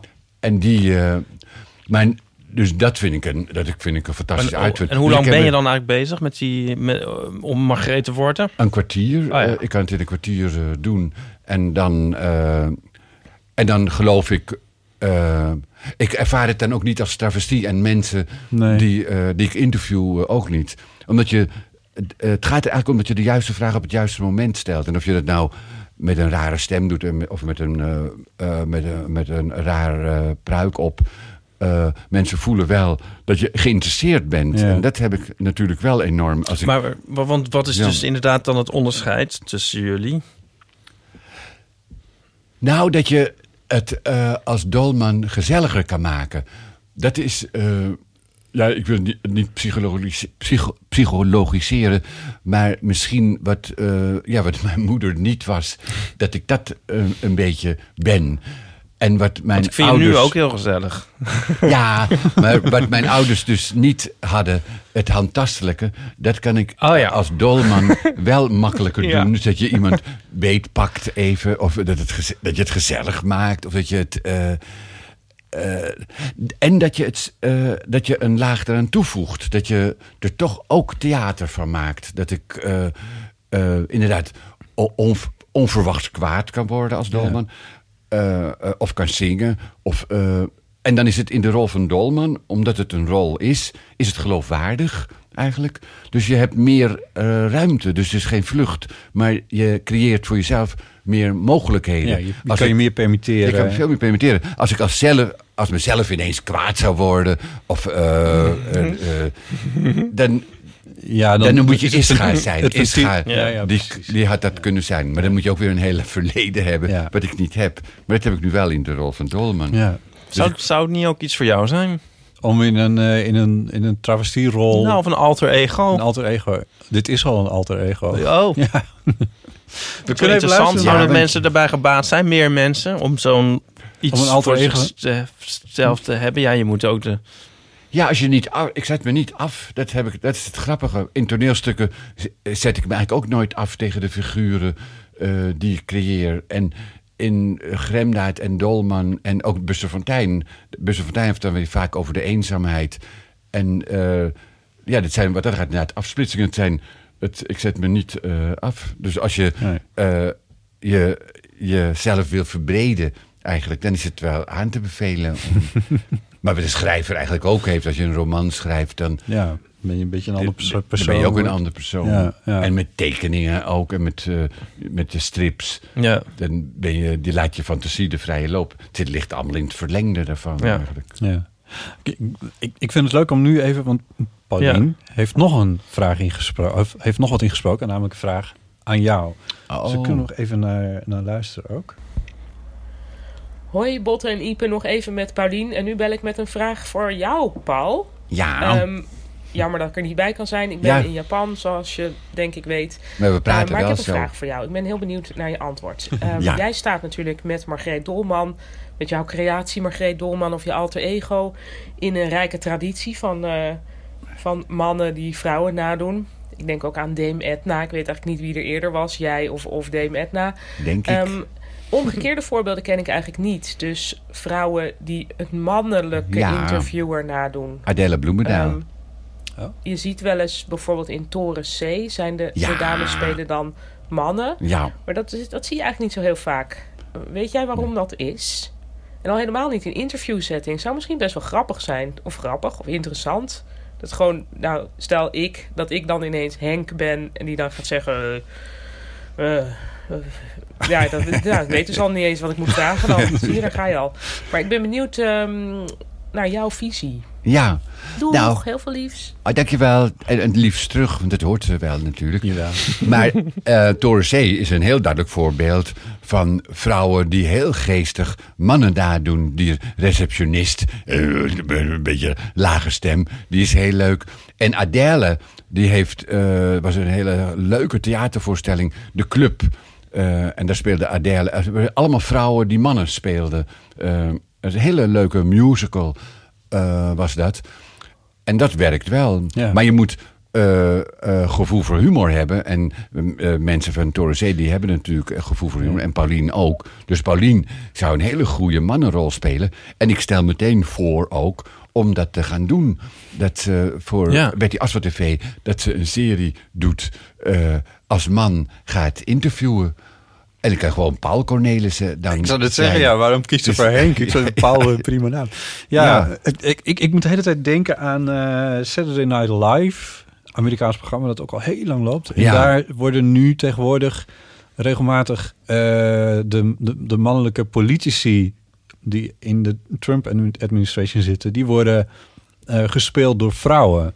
Oh, daar, ja. gebeurt het, daar gebeurt het ook. Oh ja, die Ja. Sean Spicer, weet ik. Sean Spicer, daar is een beetje mee begonnen. Maar nu gebeurt het heel regelmatig dat, dat ehm, eh, ministers... Ja, ik ken ze ook niet allemaal ja. niet, maar dat die dan eh, gespeeld worden door, door vrouwen. Nou, dit zou eigenlijk, als je, als je dus een satirisch programma zou starten. Maar het vervelende is natuurlijk als je met een voorstel komt.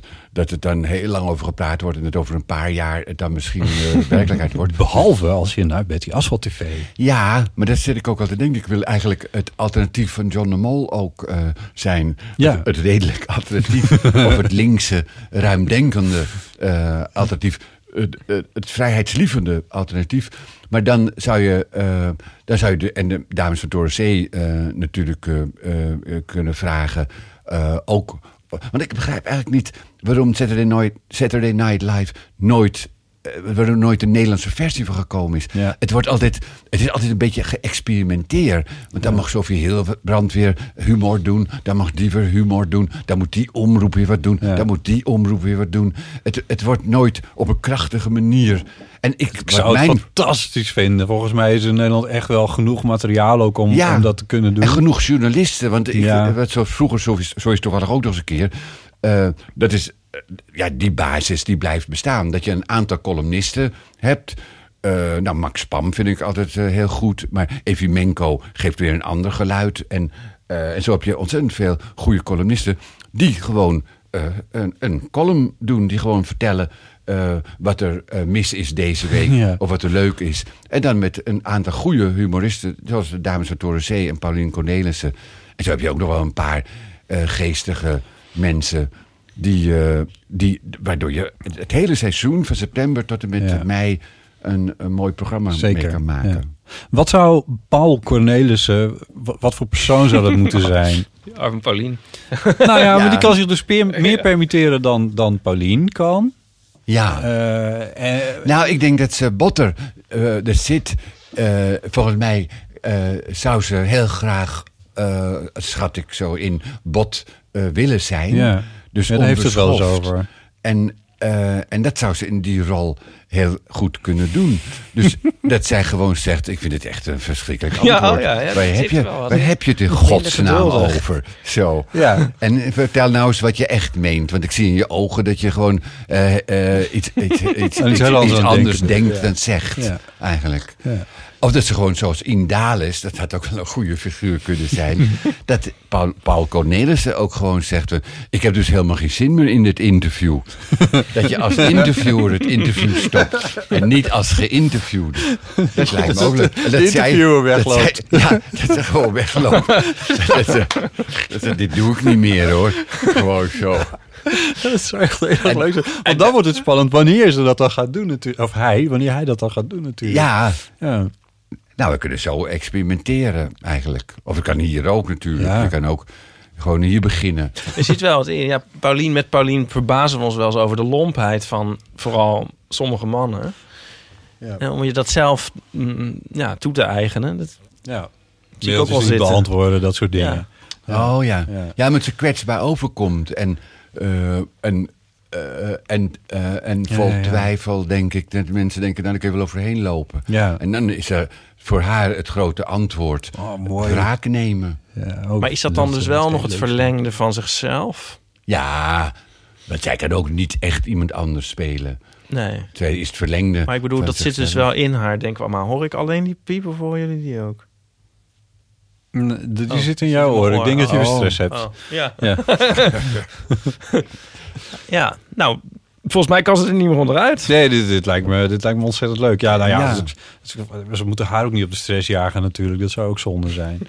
Nee, ze moet in vrijheid doen. Nee, maar die vraag komt ook ergens Maar vandaan. Ik week. denk dat ze hier eigenlijk naar hengelde. Denk je niet? Ja.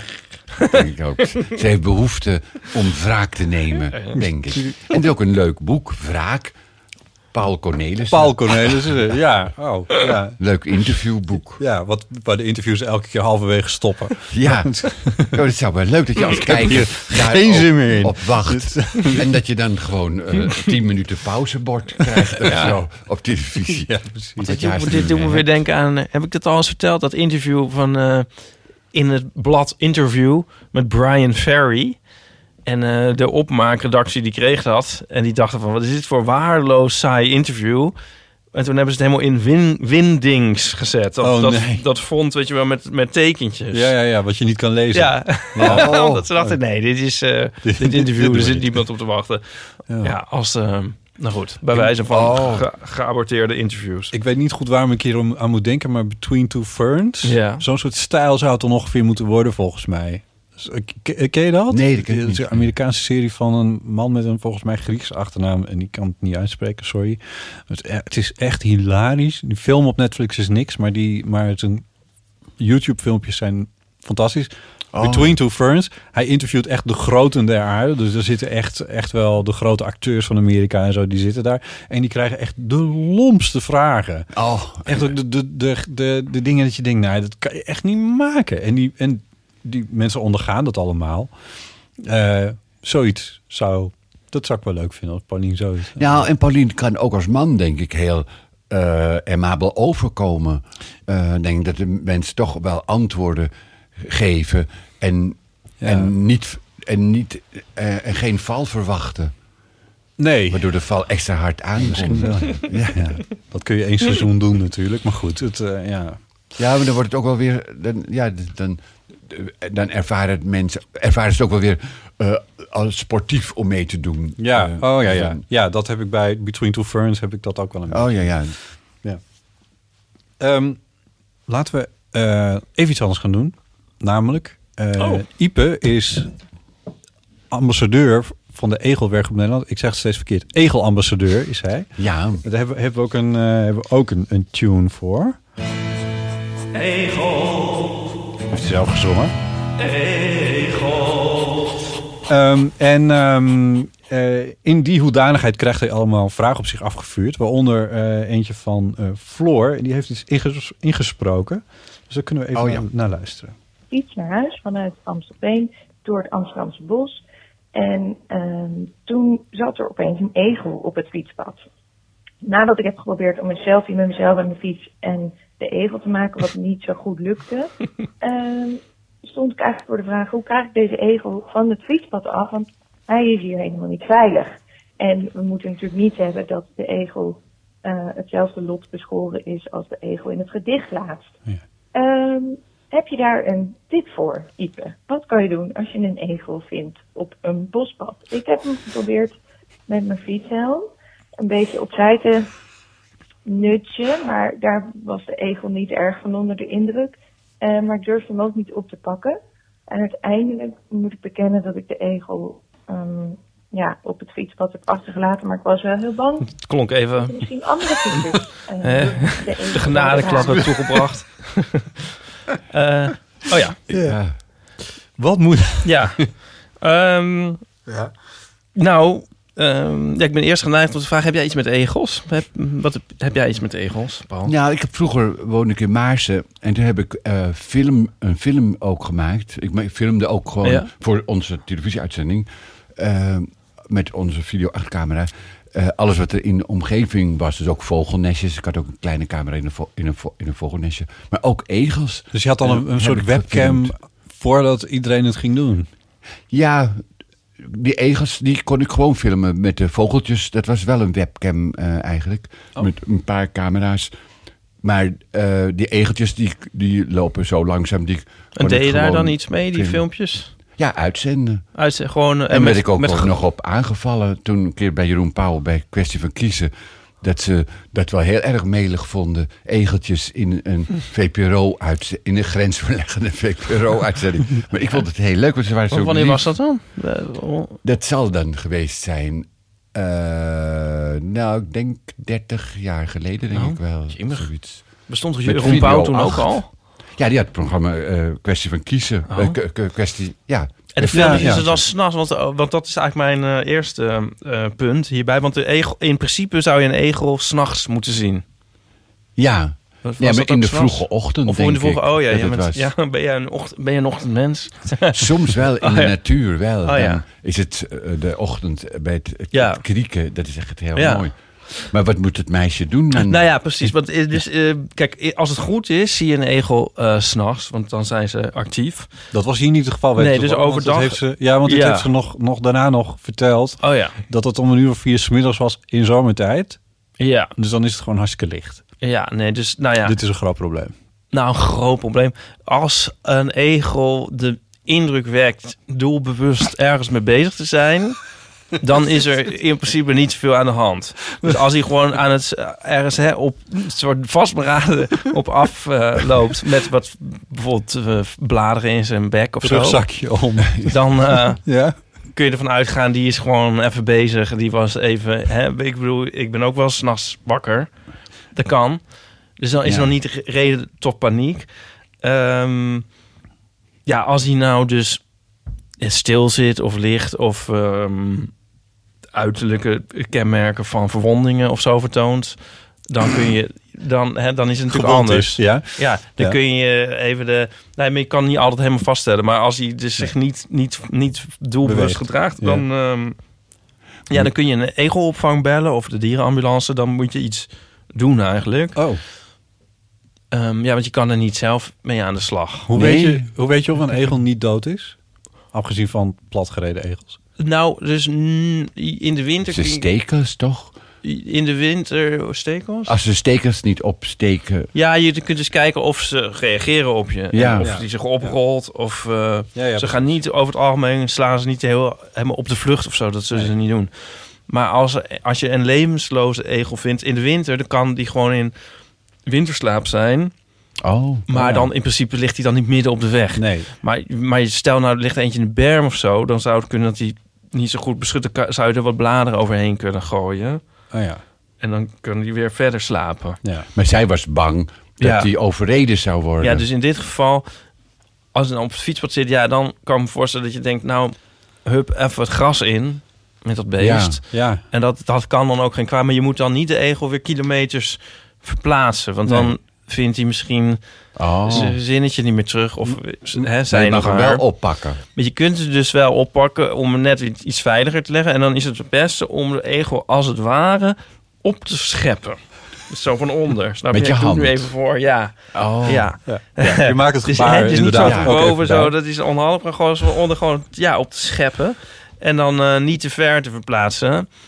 Maar dan aantekening daarbij maken... dat die egel natuurlijk ook wel... ja, die hebben ook een eigen wil. Misschien gaat hij daarna weer terug het fietspad op. Dat weet je niet. Je kan niet de rest van je leven daarbij blijven waken. En het is, Ja, sorry. Paul. nee, maar, en het is niet vies om Nou, hem met je hand... Vies, die moet dus wel daarna eh, bij thuiskomst je handen wassen. Want wat kan er gebeuren als je het niet doet? Nou ja, dat weet ik niet. Dan verander je jezelf langzaam maar zeker ook in een egel. Maar je Ja. kan niet ineens gaan schijten als je... Nee, nou ja, was dat zo. Dat kan maar Daar wie hoeft weet. een egel zich heus niet voor te schamen. Nee.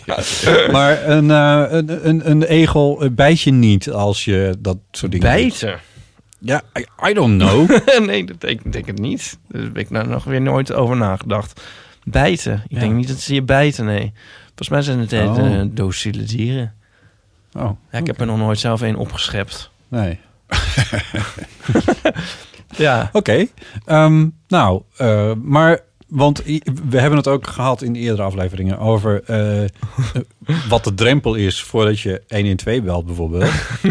wat is de drempel voordat je de dierenambulance belt Ja. voor zoiets? Je kunt ook gewoon informeren en dan, zeg, dan vragen ze wel van wat is er... eh dierenambulance, wat is uw... eh, wat is de... Nee, ik weet, het, ik weet niet hoe het gaat. Als je de dierenambulance belt, kun je het uitleggen. Ja, je hoeft ook niet te zeggen... Kom nu, onmiddellijk, hier! Laat alles vallen! Alarm! Ja, met, Dat hoeft niet. Met, met bells en whistles, ja. Oké, ja. Ja. Maar daar kun je, voor advies kun je... Dus het is sowieso wel aan te raden als je naar het bos gaat... om even het telefoonnummer van de dierenambulance in je telefoon te zetten. Ik probeer het heel praktisch. ik weet het niet. ja. Heb jij dat? Nee, Je kan ook, ja, je kan je ook dan googlen. in de Nederlandse bossen. Ja, dat is waar. Dat kan je in de Nederlandse bossen kan je dat wel googlen. Ja. Ja. Maar ehm, ja, je kan niet op elke eventualiteit zijn voorbereid. Maar ehm, nee, dat kan. Maar goed, ik denk over het algemeen... eh, nou ja, maar Nooi die zag laatst eens een egeltje overdag. Filmde die in eh, Utrecht. Oh ja, ja. Die was lekker aan het scharrelen zo in, de, in het gras. Dan is er geen, eh, volgens mij geen reden tot eh, paniek. Nee, want dan zijn we weer bij fase 1. Dan is hij namelijk doelbewust naar iets op weg. Ja, Vastberaden was Ja, je woord. vastberaden. vastberaden, ja, ja. Wel een fijne rubriek. Ja, Ja. Zo. dit is een, eh, een bron van vreugde, kan ik je vertellen. Ja. is echt, eh, ja de, nou, de egel die begint wel te leven onder de luisteraars, Ja. merk ik. Het ondergewaardeerd Het is eigenlijk. eigenlijk een beetje wel. onderwaardeerd, ja. Terwijl Ja, het egel- gaat altijd over honden. ja, katten. En ja, Ja. maar nooit over lieve Nee, egeltjes. dat is ook weer zo. Ja, het is wel zo dat die, die lieve egeltjes langzaam maar zeker allemaal in de winterslaap terechtkomen. Dus ik ben heel benieuwd hoe lang we dit eh, volhouden eh, gedurende Ja. de, de winter. Maar ik zal nog wel thuis zoeken, het filmpje van het egeltjesgezin. Ja. Want er waren allemaal, allemaal kleine egeltjes ook. En het is in, Oh. voor de VPRO uitgezonden. Ja, Dus het dat kan nog opzoeken. zijn inderdaad. Ja, in de show. kun je dat terugvinden, denk je? Ja, bij Beeld en Geluid. Oh, zo. het terug Oh, ja. vinden. Waar ik dus nou zo benieuwd naar ben, als ik dan...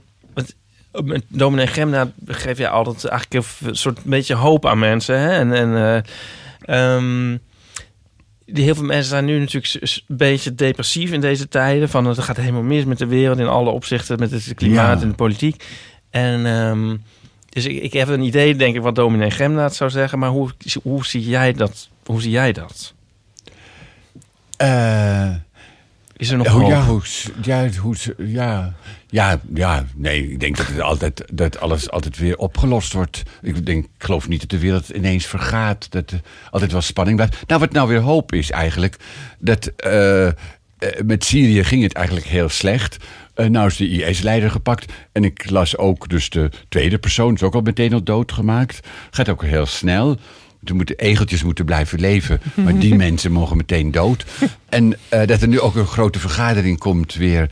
Een conferentie in Amerika. Ook met Rusland en met Syrië en met alles. En dat er ook weer overlegd komt. En dat ze dan ook weer gaan zeggen van... Nou, die, we- we- laat- zullen we de wereld gewoon nog intact houden? Al die wereldleiders. Dus ik denk altijd dat... en zelfs, ik denk zelfs met die Trump... Nou, toen, toen Trump aantrad, had ik als gegeven ook wel gezegd van dat eh, met eh, eh, Ronald Reagan, dat ze daar ook meteen dachten van wat een lul. En dat het Bush. heel anders uitpakte met Bush. En dat het met ja. Trump eigenlijk ook nog wel uit kan pakken. En het rare is dat ik soms ook wel eens in het geheim die twijfel heb. Dat ik denk van, ja, misschien is die Trump toch wel beter dan die Biden. Of weet je, Bright, nee, wat die nou? Mike Pence bedoel je die? Dus een, zo'n nee, de, van de Democraten. de Democraten Biden. Biden. Joe ja, Biden. Ja, Joe Biden. Dat Trump misschien toch beter is. Maar dat heb ik alleen in het geheim, die gedachte. Dat zou je Oh, nooit in het publiek voor een microfoon... eh, zou ik nooit, nee, zou ik nooit zeggen. Dat Nee. zou ik ineens, maar dat het ineens, dat je op een eh, verkeerde been gezet kan worden. Dat mensen waarvan je denkt, die zijn heel goed. Dat die Ja. eigenlijk dus helemaal niet zo goed blijken. En de mensen waarvan je denkt, die zijn heel slecht. Dat die ineens wel heel goed blijken. En als je denkt, van nou, de wereld gaat helemaal ten onder. Dat het dan ineens denkt van, nee, er komt allemaal eh, een hele nieuwe lichting. En het gaat weer eh, heel eh, goed. En de mensen die depressief zijn in de winter, die... en dat komt ook vaak, dus ga ik wel van het een op het ander. D- door, de, door de kerstafspraken. Maar het heeft ook met mijn eigen herinneringen te maken aan kerst. Dat je, eh sommige mensen zien er enorm tegenop. Je hebt nu mensen, het is nu dus eh, nou, bijna begin november. En worden mensen al gebeld voor wat ga je met tweede kerstdag doen? En dan zeggen ze nee, dat weet ik nog niet. En dan neem, maken ze afspraak. En dan heb je de hele tijd dat je er tegenop ziet. En denk van godverdomme en zo. En dan raad ik aan om het toch af te zeggen. En dat je zelfs op de de eetdag zelf nog af kan zeggen. En dat dat een heel bevrijdend gevoel geeft. Dus dat je niet slachtoffer moet worden van de, de kerst en de hele december dictatuur. Dus al die ingeblikte programma's, al programma's, eh, kerstprogramma's die in de zomer zijn opgenomen. Dat geforceerde, dat geslijm eigenlijk allemaal. Dat je daar geen slachtoffer van moet worden. Dus dat je al op in, in een vroeg stadium eh, Ja. eh, voor jezelf op moet komen. En strijdbaar moet zijn. En beter eh, gezond alleen dan slijmerig in een kerstgezelschap. zeg maar. Nou, wat, he- wat heerlijk, Dus, eh, wat ja. een mooie woorden. Ja. Ik denk dat we, oh, dit ook de laatste uitzending van het jaar moet zijn. Ja, we- Hier kunnen we laten we gewoon dan- mee besluiten. Ja. maar is dit dan ook wat ik, ik? Het viel me echt op. Ik heb je speellijst bekeken. Je speelt de, de, in je decembervoorstelling. Die speel je zes dagen in de week, heel december. En dat Ja. is inclusief 24 december s'avonds. Ja. Dat is inclusief 25e dan niet. Maar de 26 december Ja. speel je hem s'avonds. De 31ste speel je hem s'avonds. Ja.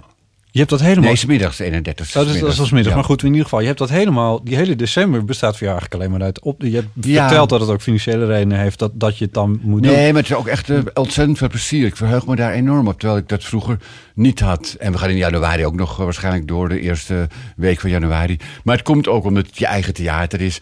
eh, het leuke mensen zijn. De formule vaststaat. Ik doe een uur gremdaad met even het nieuws, het weer eh, dit Ja. jaar doornemen. En dan Dolman met een gruwelijk kerstverhaal. En belevenissen van mensen die op het toneel komen. En prachtige Ja. verhalen komen soms ik ben er een paar keer bij geweest. Het is echt fantastisch. Het is echt Ja, het is en ik sta met mijn man doen. samen op het toneel. Eh, Ja. eh, ja, en we doen altijd het liedje We vonden Dr. elkaar. Valentijn heet Dr. Valentijn, ja. Ja. Dus het is ook een... eh, en ja, we hebben ook een... een eh, ja, de, de Gijs Racer die bij ons techniek doet en ook Baar. We zijn een hele kleine groep eigenlijk Mm. die, ja, die toch van elkaar houdt. En die het theater in stand houdt. En, en die van de mensen houdt die Ja. komen. We hebben natuurlijk ook een heel goed publiek gekregen in de loop der tijd. Waardoor het ook fijn is om na afloop van de voorstelling nog mee te praten eigenlijk. En ze komen uit België, ze komen van heinde en verre. Ja. Ja, Dus het is een feest voor mij Ja. ook hoor, om te doen. Betty Asfaltcomplex is echt wel een heel bijzondere plek in de stad. En zo zijn er ook niet zoveel meer. Nee, Nee. omdat alles eh, zelfstandig is eigenlijk. Ik bedoel, wij hebben niks uitbesteed, geen horeca, Nee. krijgen geen subsidie. Dus we zijn helemaal vrij eigenlijk in doen en laten. Nou, wat goed. Wat fijn dat je je daar ook op verheugt. Ik ga gewoon lekker even vertellen wanneer je waar over allemaal speelt. Je gaat eerst try-out in de komende periode. Ja, Dat is vanaf 1 november eh, een paar, of eigenlijk twee weekenden achter elkaar. Heemstede, Bovenkaspel, Oosterwijk en Amstelveen. En dan heb je de première op eh, de 16e november. ja, En dat is dan de voorstelling Hanen brengt vreugde. Een andere kijk op dezelfde werkelijkheid. En die première is in, en dat heb ik even niet opgeschreven, in Velsen. in Velzen. eh, Schouwburg Velsen. En daarna is er een tournee en die is... Nou, november speel je hem in ieder geval nog. En dan in december dus die andere voorstelling. Ja. In het Betty van Asfalt in Amsterdam. Eh, en dan in februari, maart, april en mei speel je eh Hanen brengt vreugde nog door het hele land. Dus Ja. dan kunnen mensen gewoon lekker naar hun eigen theatertjes gaan. En dan Lekker door het land reizen. Ja, oh, dat is toch ook wel leuk. Ja. Ehm, Paul, we laten het hierbij. Ik eh, vond het echt onwijs leuk eh, je te gast te hebben. Ja, ik vond het ook heel leuk. Erg van genoten. Ik ook. Vliegen voorbij. Ja. hè? verhalen en al die herinneringen aan, eh, aan, het, aan Amsterdam en de mediawereld en, eh, en alles. Eh, is er een biografie van jou in de maak of, of ga je dat zelf schrijven? dat dagboeken, hè, die komen in maart uit. Ik heb Ja, dat 30 wou ik, ja. dagboeken Ja, dat geschreven. even, Ja. Over, eh, en dat was ook journalistieke dagboeken, dus ook met grote koppen. Papa en mama op het punt van scheiden over twee pagina's. eh, dagboek exclusief. En ook de brieven die ik Wauw. naar de omroepen schreef. Dat het heel anders moest. En ook ingezonden brieven naar het parool over het tweede televisienet. Dat dat commercieel moest zijn. En, eh, en eh, ik was tegen de zuilen eigenlijk vanaf Ja. mijn zestiende. Ja. En nog steeds. Nog steeds. Maar eh, dat wordt integraal uitgegeven? Of hoe is dat een... Nee, dat is veel te veel. Dus de selectie, Ivo van Ja. Woerden, die heeft de selectie gemaakt. En, en ook met de coming out eh, eigenlijk. Heb ik Oh, leuk. ook, In feite heb je een Leuk biograaf. zeg. Nou, het is meer de, de dagboeken die hij geselecteerd heeft Ja. eigenlijk. Maar ja, dat is toch wel een biografie. Ja, het is ook een soort. Ja, Ja, misschien moet je dan, eh, als dat uitkomt, nog een keertje terugkomen. Als je het ja leuk vindt, kan dan ik dat graag. voorlezen. Ja. ja. Hartelijk dank voor je Ja, ook komst. bedankt voor jullie. Tot ziens in Betty Asfalt. Voor jullie fijne vragen en Ja. voor de sfeer. Tot de volgende keer. Ja, Doeg.